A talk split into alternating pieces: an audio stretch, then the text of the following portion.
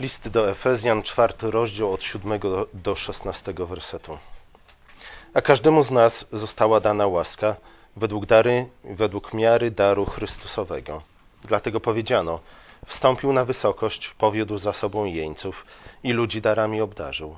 A to, że wstąpił, cóż innego oznacza, aniżeli to, że wpierw wstąpił do podziemi. Ten, który wstąpił, to ten sam, co i wstąpił, wysoko ponad wszystkie niebiosa, aby napełnić wszystko. On ustanowił jednych apostołami, drugich prorokami, innych ewangelistami, a innych pasterzami i nauczycielami, aby przygotować świętych do dzieła posługiwania, do budowania ciała Chrystusowego, aż dojdziemy wszyscy do jedności wiary i poznamy Syna Bożego, do męskiej doskonałości i dorośniemy do wymiarów pełni Chrystusowej, abyśmy już nie byli dziećmi miotanymi i unoszonymi lada wiatrem nauki przez oszustwo ludzkie, i przez podstęp prowadzący na bezdroża błędu, lecz abyśmy, będąc szczerymi w miłości, wzrastali pod każdym względem w Niego, który jest głową, w Chrystusa, z którego całe ciało spojone i związane przez wszystkie wzajemnie się zasilające stawy, według zgodnego przeznaczenia działania każdego poszczególnego członka, rośnie i buduje siebie samo w miłości. Paweł w tej drugiej części, w pierwszej części czwartego rozdziału kontynuuje to, o czym pisał już w pierwszych sześciu wersetach tego rozdziału. Pamiętamy, Paweł mówi o różnorodności Kościoła, który jednocześnie jest jednością. Mówiłem już tydzień temu o tym, że to oczywiście nawiązuje do Trójcy. Człowiek, Kościół jako ciało Chrystusa, jako nowy człowiek, a także cały świat został, zostali stworzeni na podobieństwo trójjedynego Boga. Dlatego widzimy, czy też powinniśmy widzieć w nas, w Kościele i w świecie jedność, a także różnorodność, które nawzajem się uzupełniają. Ostatnio mówiłem o jedności, dzisiaj będę mówił o róż, różnorodności. E, jedność wynika innymi z tego, że wszyscy dążymy do tego samego celu. Ojciec, Syn i Duch Święty za, zawsze działają, czasami na inne sposoby, czasami widzimy jedną z boskich osób e, wysuwającą się na pierwszy plan. Niemniej jednak wszystkie trzy boskie osoby zawsze działają w tym samym celu. Mówimy o jedności woli, o jedności celu, jeśli chodzi o Trójcę Świętą. I podobnie jest z Kościołem, z ciałem Chrystusa, z tą nową ludzkością, z nowym Adamem. Wszyscy dążymy do tego samego celu, a jednak różni, różne role pełnimy w życiu, w Kościele itd., tak itd. Tak Można to oczywiście przyrównać do różnych ról, jakie pełni mąż i żona w małżeństwie na przykład. Nie? Jednak właśnie dlatego, a, a może mimo to, że, że, wszy, że możemy wszyscy budować y, się nawzajem jako jedno ciało Chrystusa, mimo to, że pełnimy różne role, pełnimy różne funkcje, ze względu na wspólny cel, ze względu na współpracę, która powinna być między nami, y, możemy budować siebie nawzajem w jedno ciało. Ta jedność w różnorodności wynika z tego, co mówiłem, z trójjedności Boga, na obraz którego zostaliśmy stworzeni. E, ojciec, Syn i Duch są Bogiem, jednym Bogiem, a jednak Ojciec, e, Ojciec jest Bogiem, Syn jest Bogiem, Duch jest Bogiem. Nie mówimy o trzech bogach, mówimy o jednym Bogu, ale nie mówimy też o tym, że Ojciec jest Synem, a Syn jest Duchem. Nie? Można było wiele na ten temat mówić, e, ale ten trinitarny schemat widzimy także w tym, w tym tekście. Na początku zresztą Paweł wyraźnie odnosi się do właśnie Trójcy Świętej, mówiąc o jednym duchu, o jednym Panu i o jednym i o jednym czym? I o jednym Ojcu nas wszystkich. Kościół jest nową ludzkością, Kościół jest nowym stworzeniem. W Chrystusie wszyscy jesteśmy nowym Adamem. E, I też widzimy, powinniśmy widzieć te trinitarne schematy także w naszym życiu. Paweł rozpoczyna ten fragment od cytatu z Psalmu 68, jeszcze raz przeczytam ten tekst. Wstąpiwszy na wysokość, powiódł za sobą jeńców i ludzi darami obdarzył.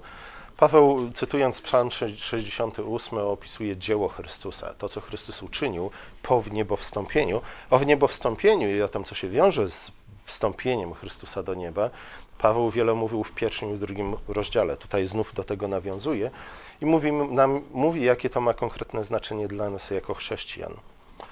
A jednak, a jednak czasami warto jest zwracać teksty, które są ze Starego Testamentu, które są cytowane w Nowym Testamencie, ze względu na to, że, że Paweł e, nie cytuje tego Psalmu 68 w sposób dosłowny. Nie? Pa, Paweł modyfikuje ten psalm po to, żeby wyrazić podobną, a jednak trochę inną myśl, co jest bardzo ważne. Psalm w oryginale mówi o tym, że, że co? Wstąpiłeś na wysokość, powiodłeś, wstąpił na wysokość, powiódł za sobą jeńców i w oryginale czytamy, przyjął ludzi jako daninę. Tutaj Paweł zmienia ten tekst i mówi, że ludzi, ludzi darami obdarzył. Widzicie, w Starym Testamencie bardzo często było tak, że kiedy wrogowie Izraela byli przyprowadzeni do Jerozolimy, co ich tam czekało?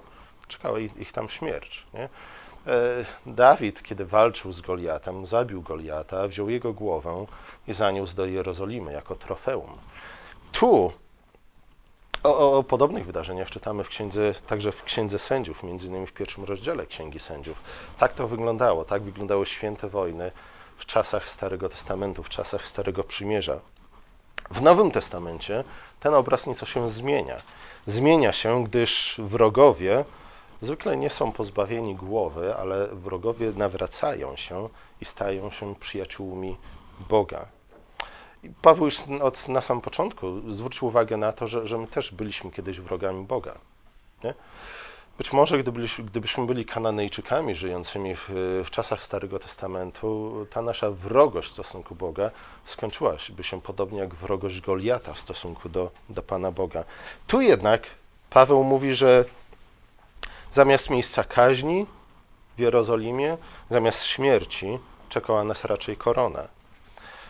E, co więcej, to nie zwycięski król otrzymał daninę od pokonanych, to nie zwycięski król złupił pokonanych, ale to my, jako pokonani wrogowie, otrzymaliśmy od niego dary. Nie? O tym Paweł stwierdza. Byliśmy jego wrogami, Chrystus nas pokonał, odniósł zwycięstwo nad nami, ale zamiast pozbawić nas życia, do czego miał słusznie prawo, zamiast złupić nas, do czego miał słusznie prawo, w końcu to my zaczęliśmy tę wojnę przeciwko niemu i toczyliśmy ją mimo licznych nawoływań Boga do, do pokoju, to jednak my, jako wrogowie, zostaliśmy przyjaciółmi Boga i zostaliśmy obdarowani darami przez tego, który odniósł nad nami zwycięstwo. Działa tu ta sama zasada, o której mówiłem już wcześniej, e, tydzień temu.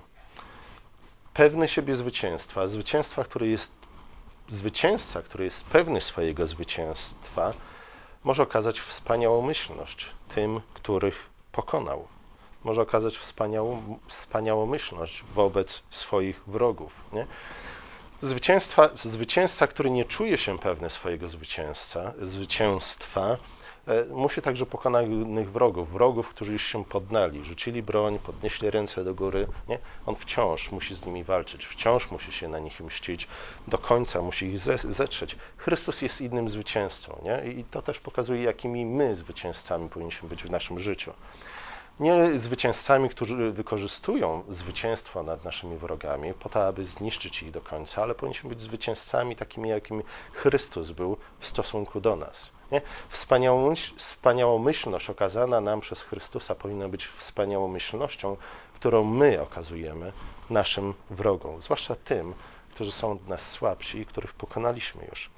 Chrystus jest pokorny nie dlatego, że jest słaby, ale jest pokorny właśnie dlatego, że jest silny. Ze względu na to, że jest silny, może być pokorny prawdziwy sposób. Podobnie my powinniśmy być pokorni do Chrystusa. Paweł mówi, że w Chrystusie wszystko otrzymaliśmy, w Chrystusie przekazana została nam władza nad całym stworzeniem, w Chrystusie panujemy nawet nad aniołami, nad którymi zasiadamy. To powinno być źródłem naszej zdrowej pewności siebie i to powinno być źródłem też naszej wspaniałomyślności wobec naszych wrogów i pokory w stosunku do tych, którzy się z nami nie zgadzają. Sam Paweł służy tutaj jako przykład. E, w pierwszym wersecie czwartego rozdziału czytamy o tym, że Paweł był więźniem. Paweł pisał te słowa do, do kościoła w Efezie jako więzień. Jednak, jednak to więzienie nie pozbawiło go ani wiary, ani cierpliwości, ani pewności tego, że Chrystus jest po jego stronie. Przeciwnie, e, więzienie, w którym się znalazł, wzmocniło zarówno wiarę, jak i cierpliwość Pawła. Ponieważ Chrystus przed swoim wywyższeniem doświadczył uniżenia, o tym pisze Paweł dokładnie w liście do Filipian, dlatego dla Pawła uwięzienie za Ewangelię jest także zapowiedzią jego wywyższenia. Jeśli Paweł siedzi w więzieniu ze względu na Ewangelię, nie musi bać się tego, jak skończy się ta historia. Prędzej czy później w tym albo w przyszłym świecie zostanie wywyższony przez Chrystusa ze względu na wierną służbę Chrystusowi. Paweł znosił więzienie w cierpliwości, ponieważ ufa Bogu, ponieważ wierzy, że ci, którzy naśladują Chrystusa w Jego uniżeniu, ci, którzy naśladują Chrystusa w Jego pokorze, ci, którzy naśladują Chrystusa w Jego wspaniałomyślności, będą do Niego podobni także w Jego wywyższeniu. Nie? Ta pewność, wiara w to jest źródłem naszej pokory, naszej wspaniałomyślności wobec naszych wrogów, e, naszej łaskawości naszej cierpliwości. Jeśli w to nie wierzymy, nie? jeśli wątpimy w to, że zostaniemy wywyższeni przez Chrystusa, jeśli służymy Mu, jeśli zostaliśmy ze względu na Niego uniżeni, to będziemy mieli problemy z tym wszystkim, nie? z cierpliwością, ze wspaniałomyślnością, z wielkodusznością, nawet w stosunku do naszych wrogów, a zwłaszcza w stosunku do nich. Dalej Paweł stwierdza, że wywyższony Chrystus powołał w Kościele cztery grupy ludzi i ich w pierwszej kolejności nazywa darami, jakie, jakie otrzymaliśmy od Chrystusa. Dzisiaj zaczniemy katechezy na temat Ducha Świętego, nie? I zwykle tak to jest, że, że jeśli chcemy mówić o Duchu Świętym, to właśnie chcemy mówić o darach Duszy, Ducha Świętego. Ciekawe jest to, że według Pawła tymi pierwszymi darami, podstawowymi darami, jakie, jakimi Chrystus obdarował Kościół, to są właśnie te cztery grupy ludzi: apostołowie, prorocy, ewangeliści oraz nauczyciele i pastorzy. Nauczyciele, pastorzy stanowią tutaj jedną grupę. Wynika to z gramatyki greckiej, czy też ze struktury tego zdania i z gramatyki, jaka została tam e, użyta. Gramatyka jest tylko jedna, więc tylko jedną mógł użyć. W każdym razie, ze względu na strukturę zdania, ze względu na to, jak działa gramatyka grecka, nauczyciele i pastorzy w tej wyliczance, na tej liście stanowią jedną i tą samą grupę. O apostołach i prorokach już mówiliśmy, ze względu na to, że o apostołach i prorokach już wcześniej wspomniał apostoł Paweł w drugim rozdziale listu do Efezjan i mówi, mówi tam, że to właśnie apostołowie i prorocy stanowią fundament Kościoła. Na nich Kościół został zbudowany. My często jako protestanci mówimy, że to tak naprawdę nie chodzi o apostołów ani proroków, ale chodzi o ich nauczanie. Nie? Nie możemy jednak oddzielać jednego od drugiego. Nie? Wiadomo, że gdyby apostołowie i prorocy nie nauczali zgodnie z duchem, którym zostali natchnięci, nie byliby w żaden sposób i nie mogliby być nigdy fundamentem, ale z drugiej strony Słowo Boże dotarło nas właśnie, dotarło do nas poprzez nich, nie? a nie zostało nam bezpośrednio objawione. Pan Bóg postanowił posłużyć się ludźmi po to, aby przekazać nam Słowo. Nie? Dzisiaj wydaje nam się, że, że to jest najwyższy stopień dojrzałości duchowej, jeśli Bóg zacznie do nas bezpośrednio przemawiać, ale to nie ma zbyt wiele wspólnego z tym, co w jaki sposób y, Pismo Święte opisuje działanie Boga. Tak, do niektórych ludzi Pan Bóg bezpośrednio przemawiał, nie, ale zobaczcie, że, że Paweł określa tych właśnie ludzi jako fundament, na którym Bóg, Chrystus zbudował swój Kościół. Oni stanowią podwaliny Kościoła. I w tym znaczeniu, nie, w tym pierwotnym znaczeniu słowa apostoł i prorok, nie występują oni już w dzisiejszych czasach. Znaczy, występują, nie, ale wciąż mówimy o tych samych dwunastu apostołach i o tych samych prorokach, o których mówił Paweł, a którzy są w tej chwili w niebie. Nie? Że o ile my, Kościół na ziemi, jesteśmy tym samym Kościołem, który jest, y, którego część występuje w niebie, to tak, apostołowie i prorocy, jak w tym pierwotnym znaczeniu, jak najbardziej są, występują obecnie w Kościele, nie? ale nie jest nimi nikt z nas i nikt z nas nie może być. Jest też szersze znaczenie słowa apostoł i prorok. Nie? Słowo apostoł oznacza po prostu tego, który jest posłany przez Boga, żeby ogłaszać Jego co? Głosić Ewangelię o Królestwie. W tym sensie każdy z nas może być apostołem. W szerszym znaczeniu każdy z nas może być prorokiem. Nie jesteśmy y, królewskim kapłaństwem, ale jesteśmy też kościołem, który jest powołany do tego, aby w modlitwie wstawiać się, modlić się o e, pokój dla całego świata. Nie? Za każdym razem, gdy zwracamy się w modlitwie do Boga, występujemy jako prorocy, uczestniczymy w Radzie Bożej.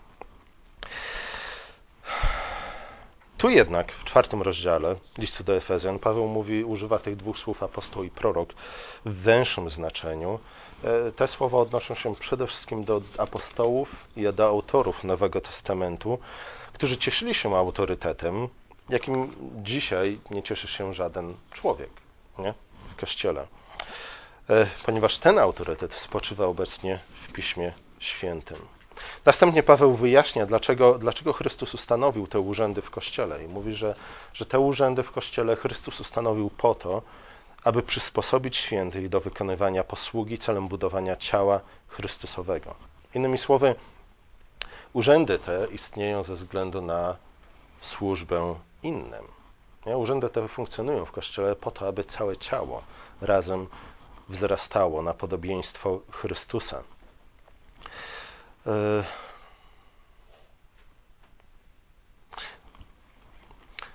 kiedy jednak mówimy o budowaniu ciała Chrystusa, to musimy pojmować to w bardzo szerokim znaczeniu.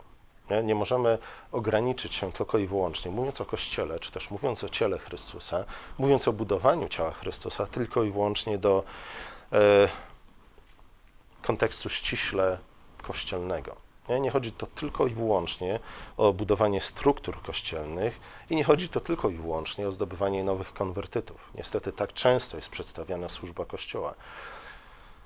Zapraszam, jak to się ładnie mówi, zdobywamy ludzi dla Chrystusa, nie? Innymi słowy, zdobywamy nowych członków do naszego Kościoła. Po co? Po to, żeby nauczyć ich czterech praw duchowego życia, po to, żeby nauczyć ich kilku technik, których też często się uczy na szkoleniach dla akwizytorów, nie? żeby oni wrócili na, do, do, do, świata i, i, zdobywali nowych członków dla naszego kościoła. Nie? Niestety do tego sprowadza się bardzo często budowanie, budowanie ciała Chrystusa, budowanie kościoła i służbę kościoła jako taką. Ale jeśli pamiętamy, że, że Kościół jako ciało Chrystusa wraz z głową, którą jest Chrystus, jest nowym Adamem, myślę, że powinniśmy odnieść czy też interpretować budowanie ciała Chrystusa między innymi w kontekście stworzenia pierwszego Adama. To, co Bóg powiedział do pierwszego Adama, a co pierwszy Adam nie chciał wykonać, w Chrystusie jest, powinniśmy odnieść także do, do samych siebie. Nie? A do Adama Pan Bóg powiedział: Panuj nad światem, napełniaj go, przemieniaj jego z chwały w chwałę, napełniaj go poznaniem i chwałą Stwórcy. Nie kontynuuj to dzieło stworzenia, E, o którym mówi pierwszy rozdział Pisma Świętego. Nie? Te słowa są skierowane także do nas, do nowego Adama, którym jest Kościół wraz ze swoją głową, Chrystusem. To, czym zajmują się pastorzy i nauczyciele w Kościele, ma służyć przygotowaniu ludzi, którzy mają często inne powołanie. Nie? Wszyscy pracują przy budowaniu ciała Chrystusa, ale każdy robi to w inny sposób. Nie? I, i, i chciałbym zwrócić tu, tutaj uwagę właśnie na tą z jednej strony pierwotną, fundamentalną, bardzo ważną rolą, jaką pełnią apostołowie, prorocy, ale też kto? Nauczyciele, pastorzy i kto jest czwartą grupą? Ewangeliści w kościele. Nie? To jest rola fundamentalna, to jest rola podstawowa, to jest rola niezbędna, a jednak powinniśmy przy, przy, przyrównywać tę rolę, e, postrzegać tę rolę jako rolę podstawową. Nie? Rolę, innymi słowy, rolę, z której coś większego musi wyniknąć. Nie? To tak jak nauczyciele, nauczyciele w szkole. Wiem, że mamy w naszym groździe wiele nauczycieli, postaram się nie powiedzieć nic, co moglibyście odnieść bezpośrednio do siebie. I od razu zaznaczę, że oczywiście nie mam nikogo z Was tutaj na myśli, ale bywają nauczyciele, nie? Nie tu, nie w tym miejscu, ale bywają nauczyciele, którzy myślą, że, że nauka jest celem samym w sobie, nie? że szkoła jest czymś najważniejszym.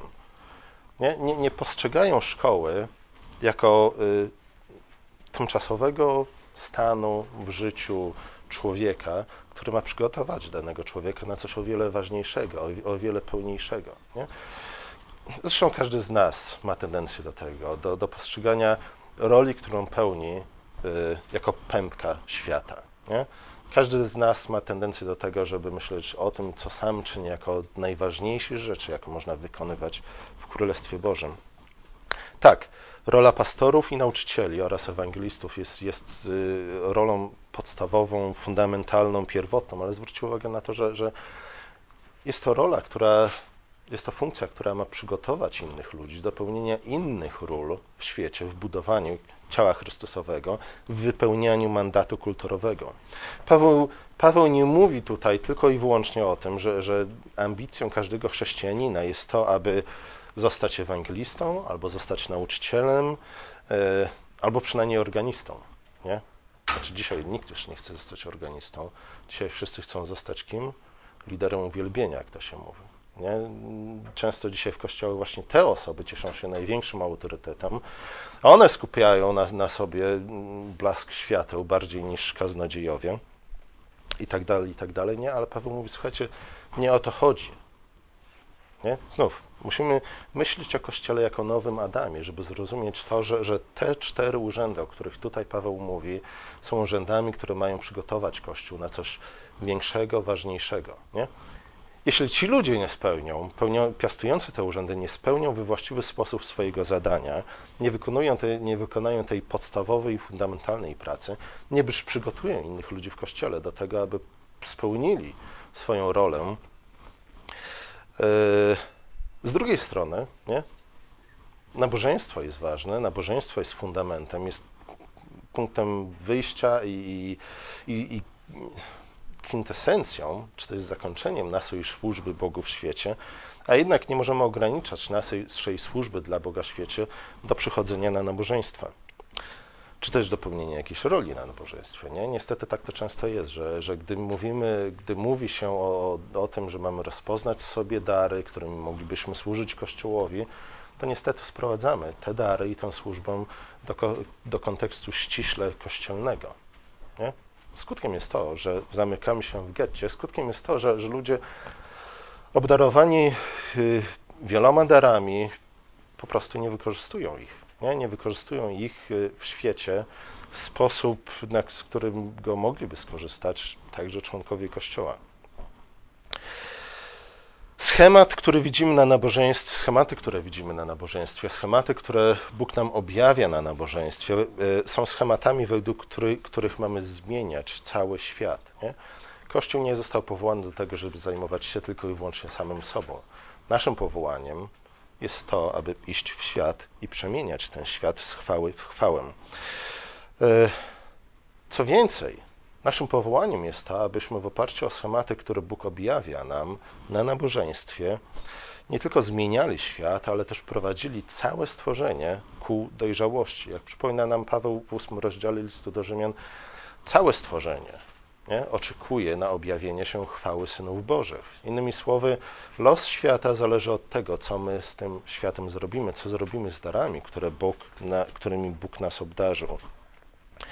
E, to, czy świat osiągnie swoją dojrzałość, nie? zależy od tego, czy my jako Kościół zamkniemy się w swoim własnym gronie, czy też otworzymy się i pójdziemy w świat, zmieniać ten świat w oparciu o schematy objawione na, na nabożeństwie. Oczywiście często mamy do czynienia z inną tendencją. Nie? Z jednej strony możemy się zamykać w swoim własnym gronie, postrzegać dzieło ducha tylko i wyłącznie w kontekście ściśle kościelnym, ale z drugiej strony niestety mamy do czynienia z chrześcijanami, którzy chcą iść w świat, ale nie znają Pisma Świętego praktycznie w ogóle. Nie? Są w stanie zacytować parę tekstów, e, ale nie mają w gruncie rzeczy bladego pojęcia na temat tego, w jaki sposób mają zmieniać świat. Nie? I, i posługują się non-stop sloganami, za którymi nic się nie kryje i których oni sami często nie są w stanie powtórzyć. Nie?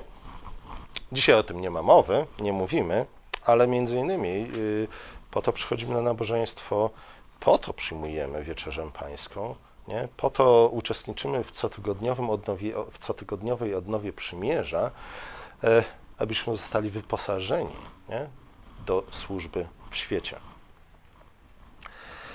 To oznacza, że pastorzy i nauczyciele nie są w kościele po to, aby rozstawiać ludzi po kątach. Czasami jest to potrzebne, ale znów nie, nie, nie, o to chodzi przede wszystkim. Nie są po to, aby inni ich podziwiali i wielbili. Niestety często y, pastorzy, kaznodziejowie, księża, popi sprowadzają tę funkcję do tego. Nie? Chcą być celebrytami, podziwianymi przez, przez innych ludzi, chcą zawsze być na piedestale. Niestety skutek jest często taki, że, że to zamiast przygotować ludzi do samodzielnego życia w świecie i do samodzielnej służby Bogu w świecie, e, czyni członków Kościoła mentalnie, psychicznie, emocjonalnie uzależnionymi od pastorów. Nie? Pastorzy niestety często mają ta, taką tendencję, że zachowują się jak rodzice, którzy chcieliby, żeby ich dzieci zostały w domu na zawsze.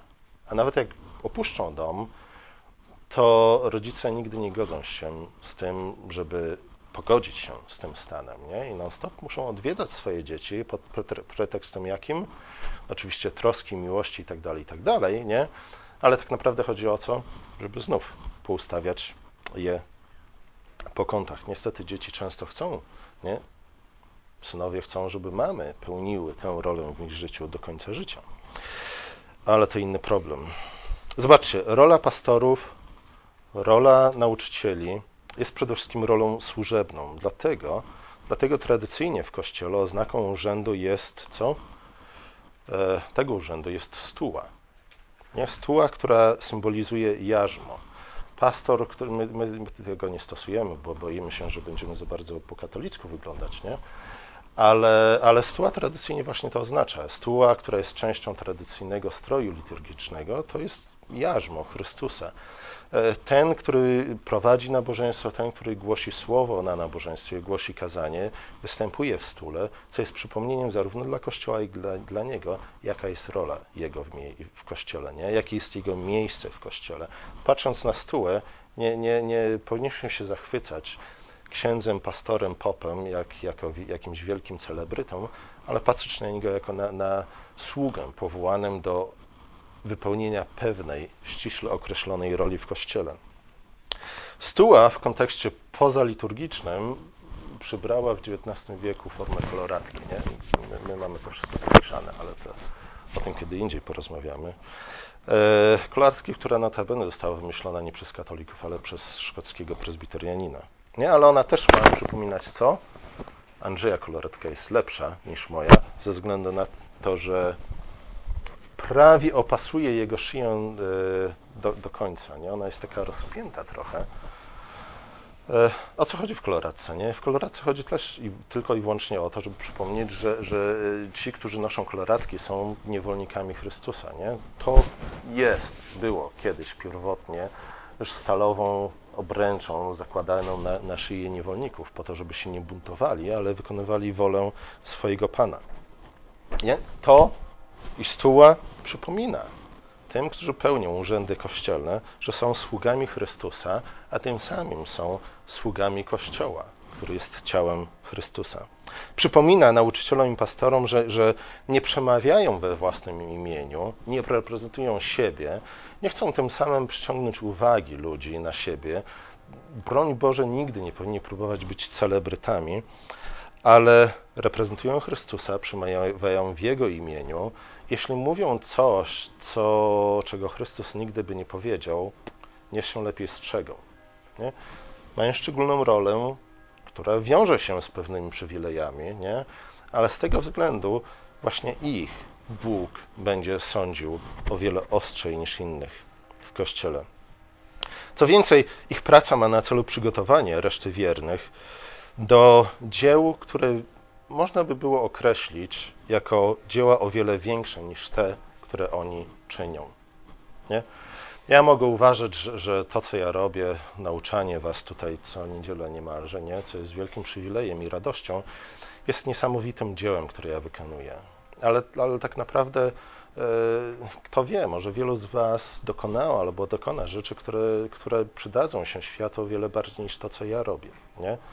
E, kto wie, może ktoś z Was pójdzie studiować medycynę i odkryje nowe lekarstwo na starą chorobę. Nie? I po części będę mógł powiedzieć, że ja miałem w tym udział, nie? ale chwała człowieka, która dokona, który dokona takiego dzieła, będzie o wiele większą chwałą niż, niż chwała, która być może stąpi na mnie za głoszenie kazań w tym kościele. W każdym razie nie? w ten sposób powinniśmy postrzegać, ale, ale znów nie powinniśmy być zazdrośni o, o cudzą chwałę w Kościele. Nie? Jako chrześcijanie i znów, myśląc o Kościele, musimy myśleć o Trójcy. Ojciec zawsze cieszy się z chwały, która stąpiła na, na Syna. Nie? Chwała Syna jest powodem radości Ojca. Chwała Ducha jest powodem radości Syna. Zresztą Duch bardzo często występuje w tej roli, że, że zobaczcie, żadna z osób Trójcy Świętych nigdy nie chwali samej siebie. Nie? Żadna z osób Trójcy Świętych z osób Trójcy Świętej nigdy nie zwraca uwagi na siebie bezpośrednio. Żadna z osób Trójcy Świętej nigdy nie pokazuje palcem na siebie i nie mówi spójrzcie na mnie, nie? podziwiajcie mnie. Co jako osoba Trójcy Świętej, jako boska osoba, każda z nich mogłaby to zrobić, dlatego że i Ojciec, i Duch Święty sam w sobie zasługuje na uwielbienie, nie? w przeciwieństwie w pewnym sensie do nas. Nie?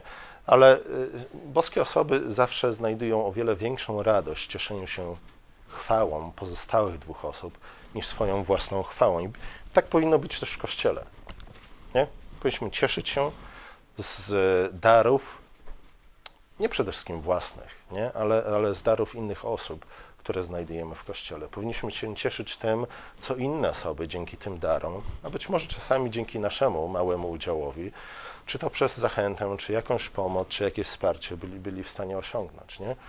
Prawdziwa chrześcijańska radość jest zawsze radością płynącą e, z cudzego życia, z cudzych dzieł, z cudzych osiągnięć. Jeśli największa radość, jaką czerpiemy w naszym życiu, to jest radość z samego siebie, niestety wciąż daleko nam do pełni Chrystusowej. Nikt nie może wynosić się nad innych, bo też wszyscy służymy temu samemu celowi. Aż dojdziemy wszyscy razem, nie? I Paweł zwraca uwagę na to, że każdy z nas w pojedynkę nie dojdzie do tego celu. Możemy dojść do niego tylko wszyscy razem. Do jedności wiary. Nie? Jak, jak ja w pojedynkę mogę dojść do jedności wiary? Sam z sobą już mam tę jedność, nie? nie muszę w ogóle do niej dochodzić.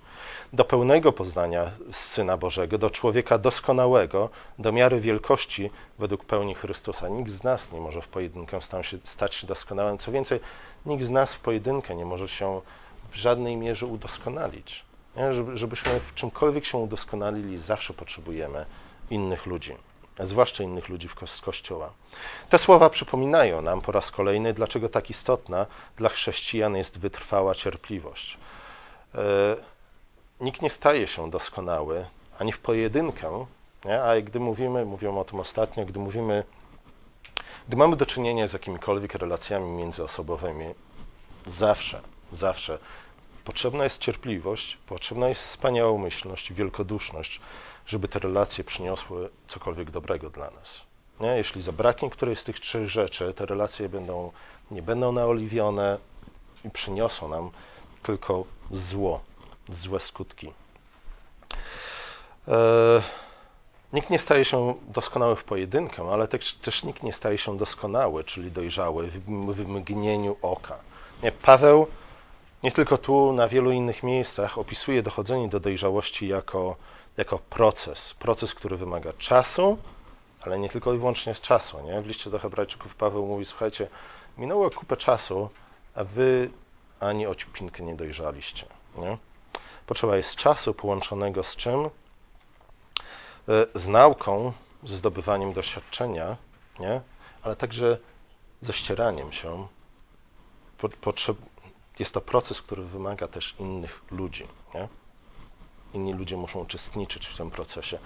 Te wszystkie rzeczy nas frustrują, nie? To, że potrzebujemy na to innych ludzi, to, że potrzebujemy do tego innych ludzi, to, że potrzebujemy do tego czasu, to, że potrzebujemy nauki, potrzebujemy uczyć się nie tylko rzeczy, które, które, które nas interesują, które sprawiają nam frajdę, ale, ale nauka niestety często wymaga wiele wysiłku i samozaparcia. Nie? Frustruje nas to, że musimy zdobywać doświadczenie. Te wszystkie rzeczy nas frustrują. E, i dlatego właśnie potrzebna jest w tym wszystkim cierpliwość. I z jednej strony liczymy na to, że, że może sam upływ czasu doprowadzi nas do dojrzałości. Z drugiej strony chcielibyśmy przyspieszyć ten, ten proces nie? i już być ludźmi na tyle doskonałymi, żeby móc innych rozstawiać po kątach, żeby móc innym udzielać najlepszych rad na świecie, żeby, żeby innymi słowy stać się punktem odniesienia nie? dla wszystkich, którzy są wokół nas. Ale Bóg mówi, że dojrzewanie to długotrwały proces, który musimy rozumieć we właściwy sposób. Przede wszystkim musimy wiedzieć, co jest celem, nie? co jest miarą dojrzałości. Paweł wyraźnie mówi, że miarą dojrzałości jest Chrystus. e, a nie nasze wyobrażenie o Chrystusie. Jest to też proces, który zaczyna się od, od wykładu Słowa Bożego i uczestnictwa w Wieczerzy Pańskiej, nie? czyli w nabożeństwie. Na, w, czwartym, w drugim rozdziale dziejów apostolskich w ten sposób opisany jest Kościół. No i Kościół wzrastał dzięki temu, że trwał między innymi w nauce apostolskiej i w łamaniu chleba. Nie? To jest znów ten punkt wyjścia. To jest alfa i omega, nie? ale to nie jest wszystko, co robimy. To jest punkt wyjścia i, i punkt, do którego dążymy jako chrześcijanie, ale pamiętamy o tym, że, że pomiędzy niedzielą a niedzielą jest sześć dni tygodnia, e, w ciągu których mamy służyć Bogu w świecie. Ten, kto odcina się od słowa i sakramentu, e, ten nigdy nie dojdzie do dojrzałości. Nie?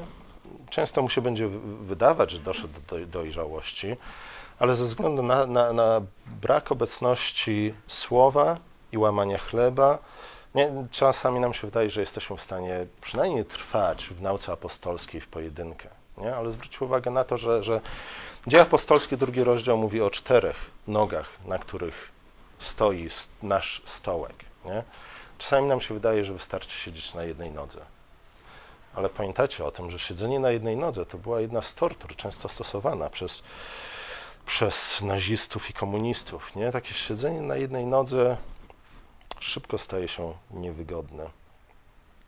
Ten, kto odcina się od słowa i sakramentu, ten nigdy nie dojdzie do dojrzałości i, jak mówi Paweł, pozostanie dzieckiem, którym miotają fale i porusza każdy powiew nauki, a skutek oszust, na skutek oszustwa ze strony ludzi i przebiegłości w sprowadzaniu na Maunowsze fałszu.